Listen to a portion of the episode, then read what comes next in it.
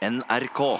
Eh, jeg møtte en fyr på Tinder, og så var det sånne ting som bare skjer på film. Det er sånn superbra, helt perfekt.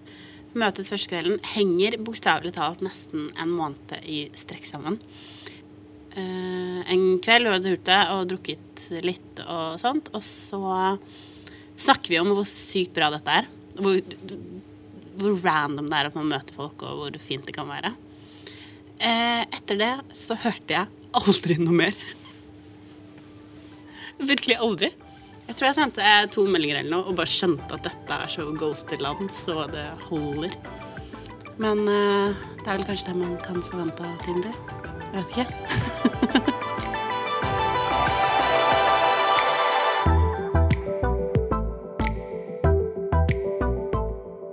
Det verste jeg vet, er å bli avvist. Jeg klikker i vinkel. Det er flere ganger jeg har stelt meg foran dører og nektet folk å gå, bare fordi jeg er så redd for å være alene. Jeg aner ikke hvor mange gutter som har blokkert meg på telefonen bare for at jeg skal slutte å ringe. Jeg overbeviser alltid meg selv om at bare jeg hadde vært annerledes eller enklere å ha med å gjøre, så hadde jeg ikke blitt avvist.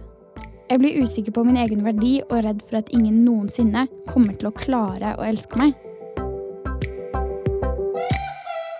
Hei, jeg heter Ulrikke Falk, og i dag skal vi snakke om brudd.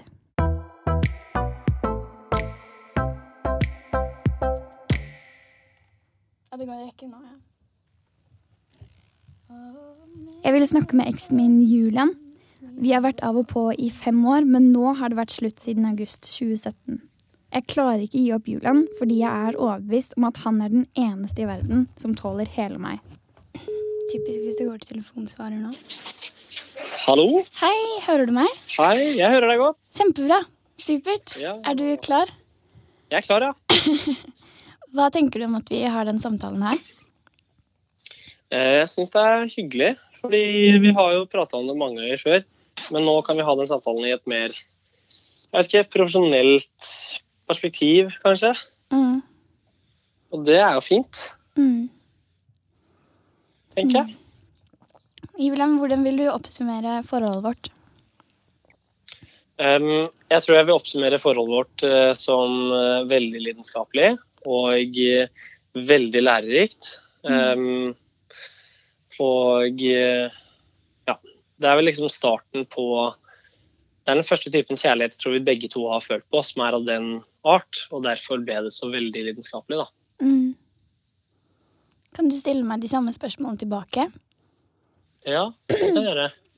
Kan du oppsummere så- forholdet vårt? Um, eh, prøvene, altså litt sånn At man tester mens man går. Fordi det er Ja. litt sånn ung kjærlighet. Um, Mm. Vanskelig. Um, Mm. Og veldig givende. Mm. Mm, hva var det beste med å være sammen med meg? Det beste var nok eh, den følelsen av, eh, av å være så dypt inne nå at det føltes som det viktigste i verden. Jeg vet at det er veldig mange kjærestepar som føler det på den måten.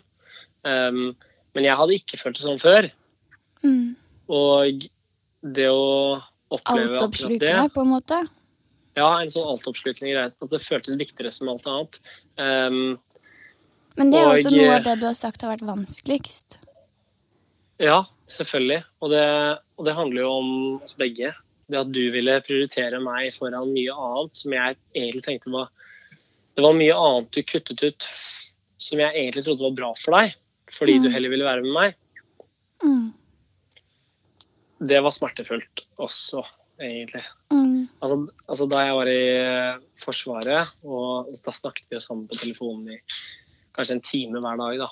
Og da, for det første så tok det jo tid fra den tiden jeg kunne brukt sammen med de jeg bodde med, og de jeg kunne blitt veldig gode venner med, at jeg heller ville snakke med deg. Jeg tenkte at det var vondt for meg, fordi jeg brukte opp tiden på det som var egentlig livet rundt meg. Og Men- samtidig så gjorde det vondt fordi jeg tenkte at du brukte opp tiden som var rundt deg. da. Jeg syns, det er helt riktig oppsummert at vi har hatt en sånn greie som har vært sånn vår verden, og så har vi ikke helt klart å kombinere det med resten av verden. Og det mm. har gjort ting vanskelig. Ja. Så jeg syns, eller for min egen del så mener jeg det er litt urettferdig.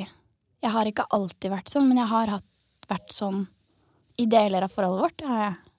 Ja, enig. Jeg syns ikke du har alltid vært sånn. Mm. Det var bare den tiden. Men den sitter på en måte veldig sterkt. da. Jeg vet ikke, jeg følte det markerte noe i forholdet vårt. Det har vært fire år med av og på. Mm. Em, og første gang du slo opp, så slo du opp um, Eller noe av setningen som gikk igjen, var at uh, jeg trengte deg mer enn du trengte meg. Mm. Uh, som jeg akkurat nå syns er en grusom ting å si. Men, men jeg skjønner jo hvorfor du gjorde det. Um, nå er jeg nødt til å dra hjem, Ulrikke. Jeg kan ikke ligge her og trøste deg for at jeg har slått opp med deg. Uh, så mm. sa jeg jo tydelig fra sånn Jeg trenger deg. Hvis du går nå, så vet jeg ikke hva som skjer. Og Mm. jeg trodde jo også det. At uh, uten deg så kom jeg til å dø, eller verden kom til å eksplodere. Mm. Mm. Jeg tror noe man trenger i et uh, kjæresteforhold, det er at man har en balanse i, i synet på hverandre.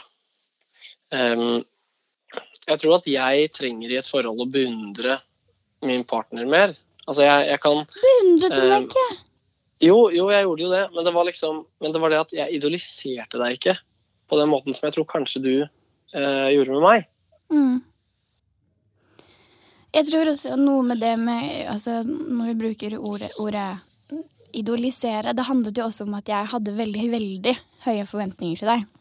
Ja. Jeg har satt en sånn standard, og hvis du ikke møtte opp til det, så Som du vanligvis ikke gjorde, fordi det var veldig høye forventninger, så ble jeg jo veldig sint. Mm. Føler jo at i slutten av forholdet vårt så respekterte jeg deg ikke. Nei. Jeg respekterte deg ikke fordi jeg hadde så høye forventninger til deg, og gang på gang så så jeg at du var et menneske. Mm. Og jeg skal ikke være kjæreste med et menneske, jeg skal være kjæreste med en gud, jeg. Nettopp. Mm. Ja, det var veldig ikke sant? Det var en periode av forholdet vårt som jeg syntes var veldig vond. Fordi ja, altså jeg, jeg tenkte jo masse på det, og jeg prøvde å skjønne hva det var som var gærent. Men du var så utrolig mye skuffet over meg. Ehm, og det var liksom sånn Hvis jeg skulle tørke av kjøkkenbenken da, i den leiligheten vi hadde, så kunne du bli veldig sint på måten jeg gjorde det på. Altså at jeg gjorde det på feil måte. Um, eller måten jeg ryddet av oppvaskmaskinen på. Og jeg syns jo det var så Jeg skjønte ikke hva jeg skulle gjøre annerledes. Jeg følte at alt jeg gjorde, ble feil. Mm. Og, ehm, og samtidig Da var det en veldig ekstrem del av forholdet. Fordi enten så var du veldig sint på meg for typisk sånne ting. mm. um, eller så var du megaforelsket. Og Men det her var jo også da vi flyttet til Trondheim, og jeg la fra meg hele livet mitt kun fordi jeg ville være der for deg. Selvfølgelig. Ja, så det var jo en, det var en veldig voldsom Ja, det var et, eh, det var et skifte. Oi, shit, er det det her jeg egentlig vil? Nå har jeg gjort Mm. noe, og jeg sitter i en situasjon jeg bare kastet meg ut i. Mm. Eh, og så tror jeg jeg la mye skyld på deg også. Mm. Mm. Er det noe du angrer på? I forholdet vårt, Mm. første gang jeg slo opp med deg, det syns jeg var en feil. Um, fordi jeg tror jeg Ja, altså jeg lærte veldig mye i ettertid, og da lærte jeg hva jeg heller burde ha gjort. Og det som var eh, saken da, var jo at jeg skjønte at det jeg Altså mine behov, de må jeg bare De må jeg på en måte bare ta. Um, ta meg tid til. Um, fordi ofte så nedprioriterte jeg mine behov fordi jeg hadde lyst til å passe på at du hadde det bra. Ehm, Er ikke den største eh, handlingen av kjærlighet det at man tvinger andre til å deale med seg selv? At man ikke redder dem hver eneste gang? jo, det kan du si. Så nettopp, det var akkurat det det handlet om. At jeg, det var det jeg lærte etter hvert. At de gangene du ikke dro på hyttetur med venninner fordi du heller hadde lyst til å være med meg, um, så kunne jeg heller reist bort eller gjort noe helt annet og sagt OK, men jeg kan ikke være med deg den helgen her. Mm. Jeg trodde ikke jeg var noe bra for deg. Nei. Fordi jeg merket hvordan Jeg merket hvordan du måtte bli ulykkelig av, eh, av det. Ja. Hmm. Um, hvordan hadde du det etter eh, bruddet? Jeg tenker kanskje det aller siste bruddet vi hadde, som var i august. Da hadde jeg det veldig vondt, men det handlet mye om, eh, om hvordan det var i eh, forholdet vårt. Um, Hvordan jeg på den tiden det, tiden og liksom. før. Nei, hvordan jeg hadde det. Det handlet om hvordan du hadde behandlet meg, egentlig. Um, Ja. Så det var veldig smertefullt. Og samtidig så, så merket jeg hvor vondt du hadde hatt det. Men jeg følte jo at det egentlig var min tur til å være lei meg da. ja. Det På grunn av visste de jeg tingene du ikke. hadde gjort. Em, så Så det var veldig vanskelig. Fordi jeg prøvde å ta vare på meg selv, og så kom, Kom du til meg og trengte at jeg skulle ta vare på deg. mm. Unnskyld. Nei, nei, du trenger ikke å si unnskyld for det. Det visste jeg ikke at du følte. Jeg trodde jo at du alltid hadde det fint, på en måte. Du er en sånn fyr som alltid har det fint. Mm. Det var ikke så fint da. Nei. Hvordan hadde du det etter det forrige bruddet vårt? Mm. Helt for piss og jævlig. Mm. Mm. Jeg trodde jo ikke jeg skulle komme meg gjennom det. Mm. Jeg hadde ikke noe Hva var det som gjorde det så jævlig? Fordi du valgte meg jo bort veldig mye. Ja, vi var jo også var enige om å ha slått opp. Men jeg har snakket om det før, at jeg har en sånn selvdestruktiv side ved meg som gjør at jeg oppsøker avvisning. Mm. Og det er min måte å Det er kanskje selvskading, egentlig. At jeg konfronterer meg selv med at eh, du ikke vil ha meg. Ja, det var ikke noe bra. Så du ble på en altså- måte den kniven jeg kutta meg med. Mm, nettopp. Og det er jo et helt sykt eh, jævlig ansvar å legge på andre. Og det er jeg Mm. veldig lei meg for. Det var liksom de gangene du møtte opp hos meg, så, Sent på kvelden. så visste jeg at um, selv om du kunne være glad i begynnelsen, så Altså de gangene det hadde skjedd før, så utviklet det seg til å bli vondere og vondere for deg. Mm. Um, og det gjorde meg Det gjorde meg oppgitt, fordi jeg visste ikke Altså, Du visste ikke hva du var- skulle gjøre. nei, det var ingenting jeg følte jeg kunne gjøre som hjalp. Nei. Um, Og hvis du hadde spurt meg hva skal jeg gjøre nå, så hadde jeg nok ikke hatt noe svar heller. nei. Jeg tror egentlig det bare var sånn Nå har jeg så sykt vondt med meg selv at jeg vet ikke hva jeg skal gjøre av meg. Mm, Um, jeg inkluderer Julian også, kanskje det har, en, har et formål. mm. Det følte at det bare, jeg følte at det bare ble vanskeligere da. Selvfølgelig. Det er jo oppskriften på helvete å oppsøke eksen sin når man har slått opp. Mm. Så jeg syns du er sterk som kan snakke om dette. Jeg tror jeg bare kjenner på veldig dårlig samvittighet. Men det skal du ikke ha, fordi Det gikk jo bra med deg. Ja, det, det gjorde det jo. Og det er jo ingenting du har gjort som du har gjort for at det skal være vondt for noen. Du har ikke ønsket noen noe vondt. Det gjør- man jo sjelden i sånne situasjoner, men Mm. ja. Um, når var det du skjønte at det måtte bli slutt? Jeg skjønte den nok uh, i sommerferien. Jeg hadde jo tenkt på det noen ganger før, Mm. hvor det hadde vært vanskelig.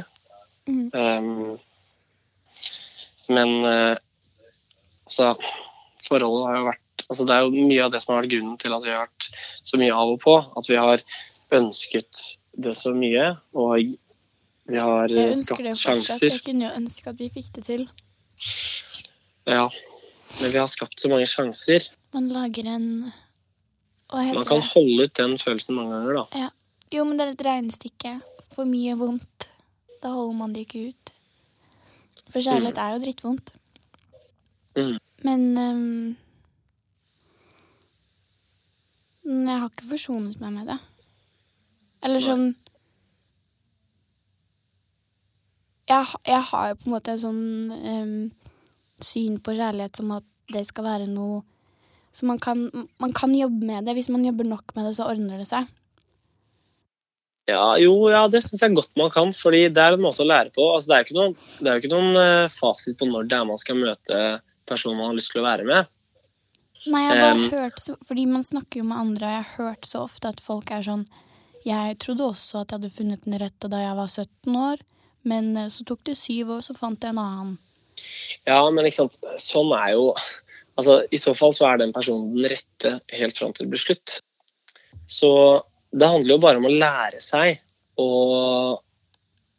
å jobbe med en person. Og klare å lære seg å være sammen. For det er veldig krevende. Det er ikke sånn at man møter den rette. Det tror jeg ikke er sant. Nei. Det bare handler om å møte en person man klarer å jobbe nok med om det. Og det tror jeg man kan gjøre med de aller fleste. Og jeg tror at du og jeg, vi kunne, jeg tror vi kunne holdt ut, liksom. Og jeg tror vi hadde klart å, å til et forhold. Men vi føler oss så unge at vi tenker at vi trenger ikke det nå. Nei.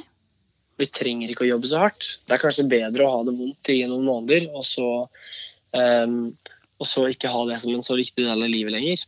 Fordi det er så mye annet som er spennende i livet. Du, masse, du har jo masse prosjekter nå, og det har jeg også. Og da er, det, da er det ikke kjærlighet som er så viktig i livet lenger. Da er det andre ting. Mm. Og det er veldig greit når man er uh, ung. Men jeg er litt uenig. Jeg er jo sånn på veldig mange ting i livet at jeg, jeg tenker at hva er det beste å hente ut av dette? Mm. Ehm, Og jeg er motsatt. Hva er det verste jeg kan hente ut av det? Nei, nei, det er ikke det mener. Men at, men at du kanskje heller ser på ting mer som, en, eh, som et eh, tap. Som en eh, Altså at forholdet var mislykket, og derfor er det så vondt. I stedet for å tenke forholdet var lærerikt. Mm. Og jeg vet, jo, jeg vet jo at det har vært utrolig lærerikt for deg. Men, men Det er veldig vanskelig å snakke om. Nei, jeg bare Jeg angrer litt på at jeg åpnet den døren akkurat nå. Ikke fordi det Ja. er noe som skal skje, men jeg, jeg foretrekker å holde den døren lukket. Ja, det skjønner jeg godt. Det er enklere. Mhm. Um, og så tror jeg noe av grunnen til at jeg gråter så fælt, er fordi jeg føler meg veldig misforstått. Av meg? Eh, ja, men jeg trenger at du bare innrømmer at jeg har misforstått deg. Sier og innrømmer at du kan ikke hjelpe meg, selv om jeg hele tiden har trodd det. Ja. Nei, jeg tror ikke det. At jeg kan hjelpe deg. Nei. Og det hjelper, for da slipper jeg å tenke det er noe, meg det er noe galt med. Det er jo ikke det. Det blir så smertefullt fordi man føler selv at man har vært tydelig, og så Og så føler man at den andre ikke forstår det, og så prøver man å være tydelig igjen, og så blir det bare veldig vondt. Fordi det er et menneske man føler man kjenner veldig godt, og så klarer man ikke å kommunisere. Fordi kjærlighet er så utrolig vanskelig å kommunisere, da. Ja. Mm. Men eh, du får kose deg masse i Bergen. Takk for at du ville snakke med meg. du, ja. Går det bra? ja. Jeg har masse folk i dette rommet som kan trøste meg. Altså, det går bra. Det er bra. Ja. Jeg er glad du ringte. Jeg er glad i deg. Jeg er glad i deg også. Ha det bra. Ha det bra.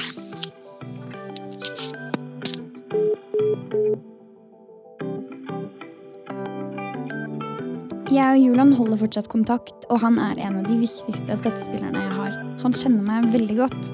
Det gjør pappa også. Og noe av grunnen til at jeg er så redd for brudd, det er jo fordi jeg så hvor jævlig det var for mamma og pappa.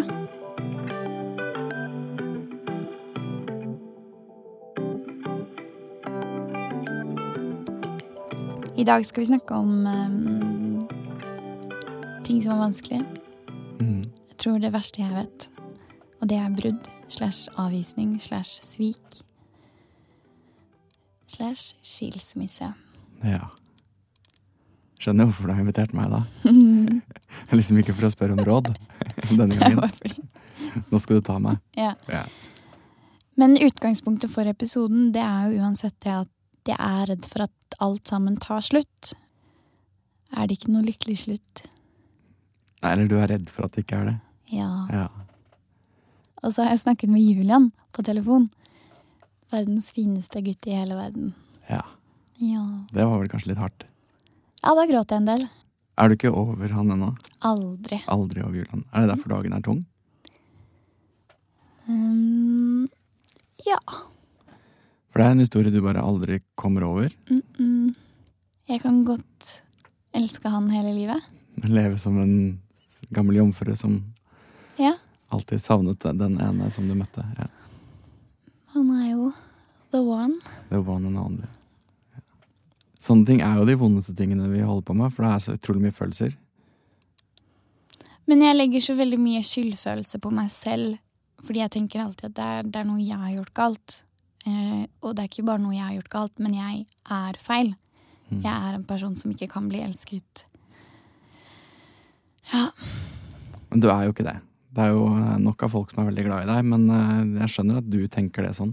Jeg tror hvem som helst kan være forelsket i meg. Mm. Eh, det er bare det at jeg krever helt sykt mye av mennesker. Ja, du pleier å si det, at du krever så mye av mennesker, men gjør du egentlig det? Du krever ikke så fry- fryktelig mye, for du er jo veldig Du er en som gir veldig mye også. Jeg vil bare at noen skal lese tankene mine. Ja, men det vil vi jo alle. Men det er jo vrient i et forhold. Da. Ofte, det blir ofte det som ødelegger et forhold. At du, man misforstår hverandre og klarer ikke se den andres behov. Fordi man, man tenker jo alltid først på seg selv. Men det er derfor jeg tenker at jeg har ikke noe behov for å finne noen andre enn Julian, for Julian og jeg har allerede lært oss hverandre. Jeg, jeg orker ikke å lære meg det en gang til. Nei, det skjønner jeg. Jeg hater menn, pappa. det er lov. Men jeg, jeg tenker jo også litt det Hvis du blir skikkelig forelska, så er det jo glemt. Da vil du jo gjøre alt. Ja. Da bør det at ingen blir skikkelig forelska tilbake. Jeg skjønner for i dag. Åh. no, Jeg skjønner det. Du har jo satt deg i en litt sånn vrien situasjon med tanke på at du har stukket nesa mye fram òg, da. Det er jo det er noen sånne skumle elementer ved å skulle kaste seg inn i en forelskelse som deg, for den blir jo fort veldig tydelig for andre. Mm. Kanskje også man tenker, hvis man skal bli forelska i deg, det er lov å grine litt. Ja, ja. Og hvis man blir forelska i deg, kanskje man syns det er vanskelig å vite man er forelska i den kjente Ulrikke eller den private Ulrikke eller noe Men imellom. det er derfor jeg bare vil ha Julian. Fordi det Han vet det der. Ja. Oh. du bør ikke annonsere på podkast at du ikke vil ha noen andre. Jo. Oh. Det er mye følelser. Mm. Ja, men jeg har en ekstra dustete dag i dag. Ikke at det trenger å være en unnskyldning. Men sånne dager skal man ha. Er ikke det det som gir kontrasten i livet, som gjør at man føler på lykken når man er lykkelig, fordi man også veit hva det vil si å være litt nedfor? Ja. Den så jeg gikk skikkelig hjem. Nå kan vi jo bare gå over på nytt tema. Lykke.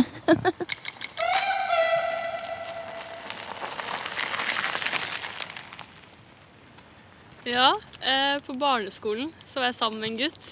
Eh, men så var det en annen gutt som jeg var litt mer forelska i, som spurte på sjans for meg. Og så sa jeg ja, må du slå opp med han andre først.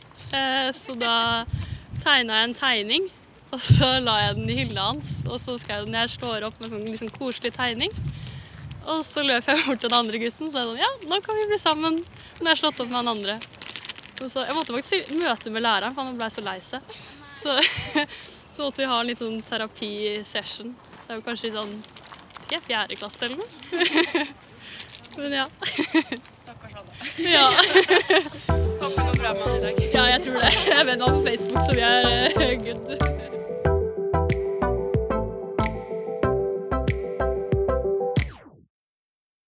Dette temaet gjør meg veldig, veldig emosjonell, så la oss prøve å rasjonalisere det litt. Arne Jørgen Sjosbakken er psykolog, og jeg spurte han hvorfor kjærlighetssorg er så jævlig. Når vi går, får kjærlighetssorg, så går jo hjernen i en slags krisemodus.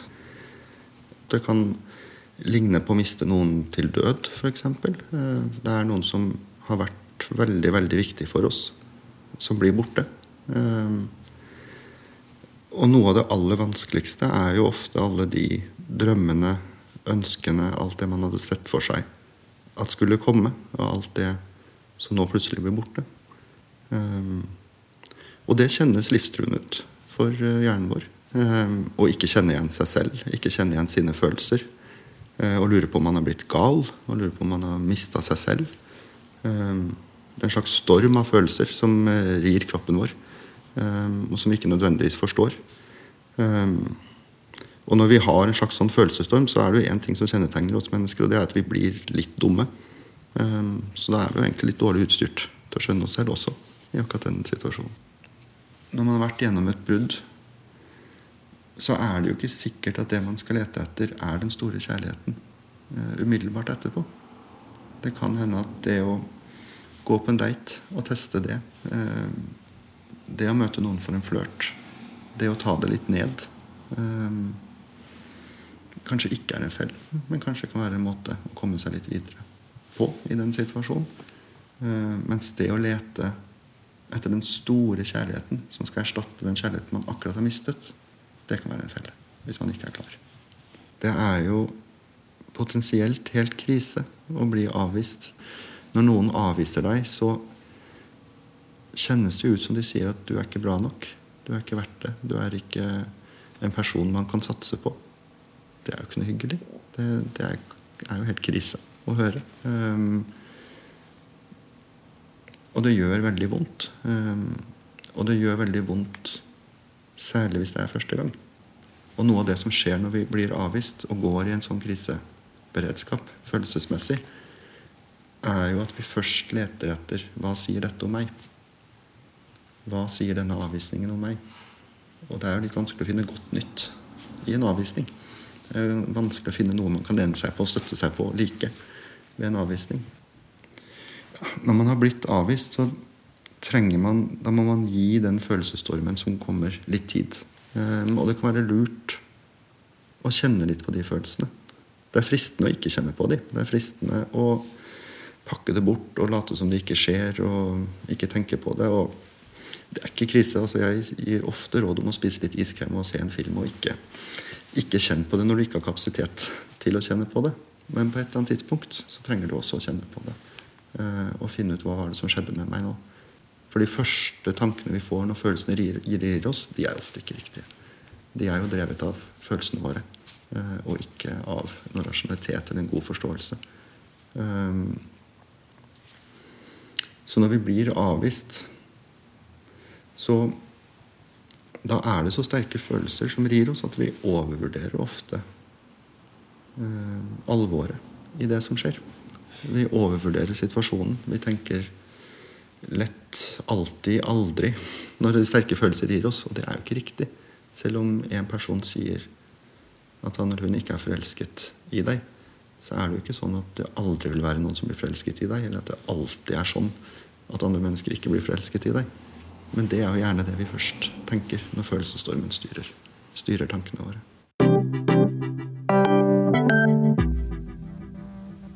Hei, farmor og farfar. Hei, Ulrikke. Hei, hei. Jeg ser så utrolig opp til farmor og farfar og deres ekteskap. De har holdt sammen i tykt og tynt, og jeg opplever fortsatt at de har grenseløst med kjærlighet og tålmodighet til hverandre. Var det kjærlighet ved første blikk? Nei, det var det ikke. Jeg syns han var en overlegen blei som sto der med pipa si og var student fra utlandet og hadde ikke så veldig mye og viste ikke meg så veldig mye oppmerksomhet på det tidspunkt, rett og slett. Det var jo første gangen. Men uh, den viktigste gangen kom jo da ja, et års tid etterpå eller noe sånt nå, hvor jeg hadde flyttet hjem og studert i Bergen. Mm. Så ble det, det var, var en sommer, sommerflørt, sommerforelskelse til å begynne med. Det, gjorde dere sånn som vi gjør? For vi drev på date og stevnemøter. Vi var på bryggedans, vi. Enten var det noen som hadde med seg noen instrumenter og spilte, eller så var det noen som hadde med seg en radio og satte på. Så, og så danset vi på brygga. Ja. Men da sommerferien var slutt, så dro Jan tilbake til Bergen. Mm. Og der hadde, fikk du deg en kjæreste, og jeg hadde en kjæreste her. Ja. Og så kom du hjem et stykke ut på høsten. Nei, så, men så dro vi jo Så da neste sommer igjen kom, så giftet vi oss jo. Og det har jeg aldri angret. Jeg kan jo ikke snakke på han, men jeg kan si det. Åh. Farmor og farfar holdt kontakten hele året etter at de møttes. De skrev ukentlig brev og ringte hverandre, og en gang i måneden betalte foreldrene deres togturen, så de fikk sett hverandre. Kan dere fortelle um, Kan dere huske selv hva dere lette etter da dere møtte hverandre? Jeg var ikke på jakt etter noen spesielle ting. Det var jo bare den der intense følelsen av uh, forelskelse og uh, at man var glad for å være sammen med den personen. At man følte at dette var noe som, som var godt. Mm. Og at man følte at det var ved siden av forelskelsen at man følte at man hadde et veldig trygt, godt vennskap. At man var trygg i et forhold. Det var vel kanskje det. Eh, forelskelse kombinert med trygghet, vil jeg tro. Ja, for vennskap, det er jo noe som bare har kommet til etter hvert. Jeg tror vil ikke nødvendigvis si det i utgangspunktet at jeg følte som veldig vennskap med deg når jeg ble forelsket i deg. For da var det forelskelsen som var det største. Mm. Men det vennskapet har jo det fortsetter og fortsetter og fortsetter og fortsetter å bygges opp. Jo, men jeg tenker det er begrenset for hvor godt man kjenner hverandre hvis man gifter seg ett år etter at Ja, det var jo to ble jo to år, to år. til sammen, da. Ja. ja. det er klart det. Og du må huske på da var jeg 19 15 år. Mm. Og hadde jo på en måte ikke begynt med mitt skikkelig voksenliv i det hele tatt. Og, så det var jo Det kunne jo like gjerne gått helt galt. Altså Vi kunne risikert å gått i hver vår retning og til slutt funnet ut at nå var man så forskjellig at nå, nå var ikke noe av det igjen, det som man startet opp med. Mm. Men vi har jo vært utrolig heldige og uh, fulgt hverandre parallelt hele tiden og ikke følt at vi har gått fra hverandre. Hvordan har dere klart det? Hvordan, hvordan gjør man det? Nei, det tror jeg ikke det er noen forklaring på. Det tror jeg er veldig tilfeldigheter. Ja. Flaks. Ja, og vi har vel egentlig vært veldig snille mot hverandre hele veien. Vi har ikke utfordret de negative sidene til den andre. Nei, og det må jeg si. Heller vært flinke til å, og det tror jeg er en veldig vesentlig ting, eh, vært flinke til å, å ta frem det positive hos den andre. Mm. For i det øyeblikk man bikker over og begynner å ta frem det negative, da er man på ville veier. Mm. Så det Nei, jeg, vi kjenner hverandre så godt at jeg vet Jeg tror det skal mye til for at du skal trekke frem ting, eller jeg trekker frem ting som vi kan såre hverandre med, eller som vi blir mm. forbauset over. Tror du ikke det? At vi, og det er jo en del av forholdet at man, man, kjenner hverandre så ut og inn. Og jeg vet hva Jan ikke liker å snakke om, og jeg vet hva som sårer han. Men det er jo ingen grunn til for meg å prøve å trekke frem de tingene. Hvis det ikke er nødvendig. Hvis det ikke er helt, helt nødvendig. Og mm. det er jo også et hensyn man tar til hverandre. Eh, men jeg syns jo også at vi var jo veldig flinke til, når barna var små også, og vi hadde en kveld, å finne frem noe god mat og en flaske vin og sitte og kose oss. Altså, vi var veldig opptatt av at vi skulle ha tid til hverandre. For det er noe jeg hele tiden eh, har, eller tenker, har alltid tenkt i mitt eh, ekteskap, at vi må ha tid til hverandre. Mm og se hverandre. Og man kan ikke bare møtes i sengen om kvelden. Altså, det er så mye, mye mer annet. Og der er det jo dette med tryggheten, selv om vi, Jan var opptatt og, av jobb og, og, jeg, og, vi ikke alltid hadde så mye tid til hverandre, så var det likevel tryggheten der om at forholdet vårt var der. Og det er jo det samme som når det skjer spesielle ting. Eh, sykdom, noe som kommer som er vanskelig. Altså da å holde sammen. For da har man ikke så mye tid til hverandre. Mm. Men da er det veldig viktig det der lille når man går der fortvilt og, og ting er vanskelig. Lille klappet på kinnet, ha tid til å, en liten klem. altså selv om man ikke har så veldig mye tid til stort annet. Fordi å se er, hverandre. Å se hverandre. Være, eller gjøre den, hverandre oppmerksomme på at jeg, jeg husker på deg òg'. Jeg glemmer ikke deg, selv om jeg er nødt til å holde på med dette nå fordi barna er syke. Noe har skjedd. Mm hele tiden være oppmerksom på hverandre. Mm. Altså det å ikke spille ut sine frustrasjoner med negative utspill overfor den andre part, fordi at det, det er den nærmeste person rundt en til å ta imot det møkka som du eventuelt måtte ha inni deg. Det er også veldig viktig. også. Men er dette noe dere fant ut over tid? Sånn hvis dette skal funke? Nei. Var det, det var verdier og prinsipper dere sto med i Jeg tror- utgangspunktet? Tror det ligger i, ligger i oss Ja. i utgangspunktet. Men altså nå kom jo vi, begge, både du og jeg, fra, et, fra hjem med foreldre som var veldig glad i hverandre og satt og holdt hverandre i hånden i sofaen eh, til de døde omtrent. Altså de, de var noe for hverandre hele tiden. Så altså, jeg vet jo at mor og far var et fantastisk godt eksempel på et parforhold. Og som jeg helt sikkert, uten å tenke over det, lærte veldig, veldig mye av. Og så kommer jeg da til svigerforeldre som hadde det på samme måte. Så du kan jo si jeg hadde jo veldig store forventninger til et ekteskap, da, for jeg hadde jo bare sett det gode ved det. Ja. Du vet, jeg pleier å si at, eh, at eh, forelskelse er en sinnssykdom som går over etter tre til seks måneder. Er Sykdom pleier du å kalle det. Ja, ja, Ja, en sinnssykdom. Ja. Ja, det er jo det. Det er jo i, i sinnet hvor man eh, har en helt annen opplevelse av realitetene med den personen man fester seg til, enn det som kanskje skulle være, være der. Uh, og så får man etter hvert en viss sånn realitetsoppvekking av hva som egentlig er der. Og så etter en tre til seks måneder så skjønner man hva som egentlig foregår. Og da har man beina på jorda igjen. Men før det har man jo bare vært på en lysere sky. ikke sant? Jeg tenker på tvil. Er det aldri noe du møter på av tvil? Sånn, er det dette Skal framtiden min se sånn her ut? Nei, det vil jeg ikke. Da, ja. Jeg, jeg, nei, jeg, jeg tror ikke jeg vil, vil kalle det tvil, selv om jeg av og til var frustrert. Fordi at eh, For det første så har jeg alltid hatt en sånn evne til å bli ferdig med ting. Og da har det jo alt vært greit igjen.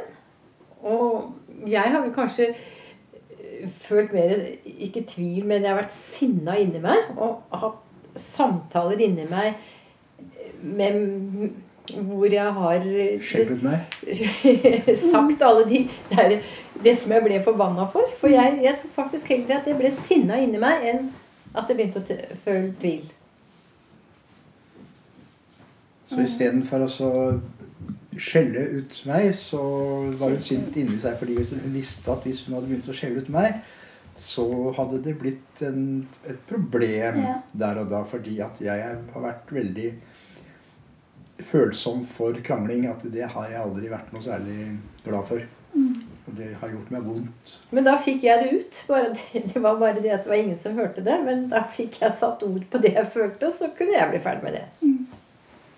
Så er det det spørsmålet ja. Men det? Det blir jo en, I vårt forhold så blir jo det en form for en rasjonell håndtering av noe som kunne vært et problem, og som ikke ble et problem fordi at hun tålte å gjøre det på den måten. Mens andre ville hatt virkelig behov for å få det ut som en sånn eksplosjon og, og, og, og tømme seg for det. Og, og, og dermed være ferdig med det. Mens derimot visste hun da at da, det var en sånn selvantennelsesprosess. fordi at da ville jeg bli så fortvilet og kanskje reagert med sinne. Og så visste hun det at jeg har en tendens til ikke være sint i fem minutter, men i, kanskje i fem dager. Så, så det, jeg takler det med sinne veldig mye dårligere enn det Berit gjør. Så, så, det, så løste hun på den måten, da. Det er Ja. det, Jeg har ikke følt det som noe offer. Jeg har bare følt det som veldig riktig. Nei. Men det funka for deg, og det funka for oss. Ja. Og det kanskje ikke hadde funket for andre. Nei. Så hadde jeg vært gift med en annen dame, så kanskje jeg hadde vært skilt to og tre ganger allerede. Takk for de ord, Jan. Færre Det største komplimentet. Det er det, det aller siste spørsmålet som jeg vil stille. Har det noen gang vært et alternativ å gå fra hverandre? Har det noen gang vært på bordet? Nei. Jeg svarer for meg selv. Mm. Men det har aldri vært på bordet. Altså, Nei, du og jeg har aldri- vært i den situasjonen at vi har begynt å snakke sånn. at Eh, nå, nå, nå, går, nå går du, eller nå går jeg. Nei. Nei. Jeg, jeg gikk en gang. Det husker vi var eh, Jeg var så forbanna på deg fordi at uh, det var noe med Elin som et eller annet, husker jeg, som vi var frustrerte for begge to. Og så var jeg, ble jeg så ergerlig på deg på den måten du håndterte det på, at jeg Da gikk jeg. Og da gikk jeg ut. Og da hadde jeg Walkman. Og da hørte jeg på Malers tredje symfoni, tror jeg det var. Og så gikk jeg og hørte på den, og så kom jeg hjem igjen. Og så var det Ja. over. Ja. Nå skal jeg finne meg en kjæreste, og så skal jeg bruke alle tipsene. Og så skjønner jeg et ord fra min far at det er eh, Det er eh, er? Det er bedre å Fankeren, hva sa han for noe? det er bedre å tenne et lys enn å forbanne mørket. Sånn tror jeg det var han sa det, var ikke det? Det er bedre å tenne et lys enn å forbanne mørket. Det er jo det jeg vil. Men hvorfor er det så vondt? Jeg syns jo ikke at kjærlighet skal gjøre så vondt, men kjærlighetssorg kan gjøre veldig vondt. Ehm, Kjærlighet kan være vanskelig. Forelskelse bør være veldig lett. Forelskelse bør være en rus og bør være fint. Ehm, Kjærlighet er jo også ganske mye hverdag. Ehm, Så det er klart Det å tilpasse seg en annen person, det å skjønne at en annen person ikke passer deg på alle måter, eller har noen sider du ikke liker, eller har noen egenskaper som ikke passer så godt for deg, det kan gjøre vondt hvis det utfordrer og knuser noen drømmer eller noen håp. Og det er jo noe av det som er så vanskelig når man skifter fra forelskelse til kjærlighet, er jo den vurderingen om er vi en god match? Er dette den personen jeg skal satse på? På godt og vondt. Når du har kommet litt gjennom den forelskelsesrusen hvor alt, alt er godt og alt er perfekt, så er det jo en liten realitetstesting av den personen. Jeg tenker Når vi går fra forelskelse til kjærlighet, så må vi også tørre å være ærlige. Både med oss selv om hvem vi er, hva vi viser, hvem vi viser at vi er, og hvordan vi ser den personen vi er sammen med. At vi må tørre å se at her er det andre ting enn at vedkommende bare er fantastisk og bare er perfekt. Eh, Det er et helt menneske vi står overfor, som har sider vi ikke liker. Kan vi akseptere alle egenskapene til denne personen? Eh, Og kan vi snakke om det? Kan vi være ærlige om det? Kan vi tørre å dele eh, hva vi liker og hva vi ikke liker? Det vil jo kjennes som en stor risiko.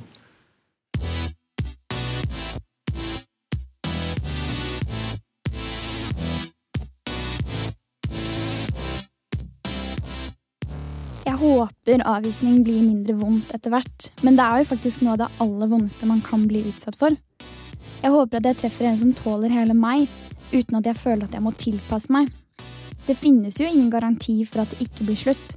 Det er kanskje derfor man må finne en man er villig til å ta den sjansen med. Å forelske seg har jeg aldri hatt problemer med, men jeg håper en gang at jeg tør å la det gå over til kjærlighet.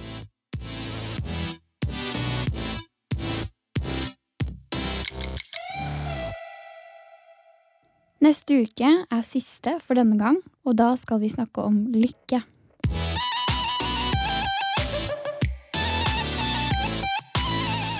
Produsert av Rubicon for NRK. Du finner flere podkaster på p3.no podkast.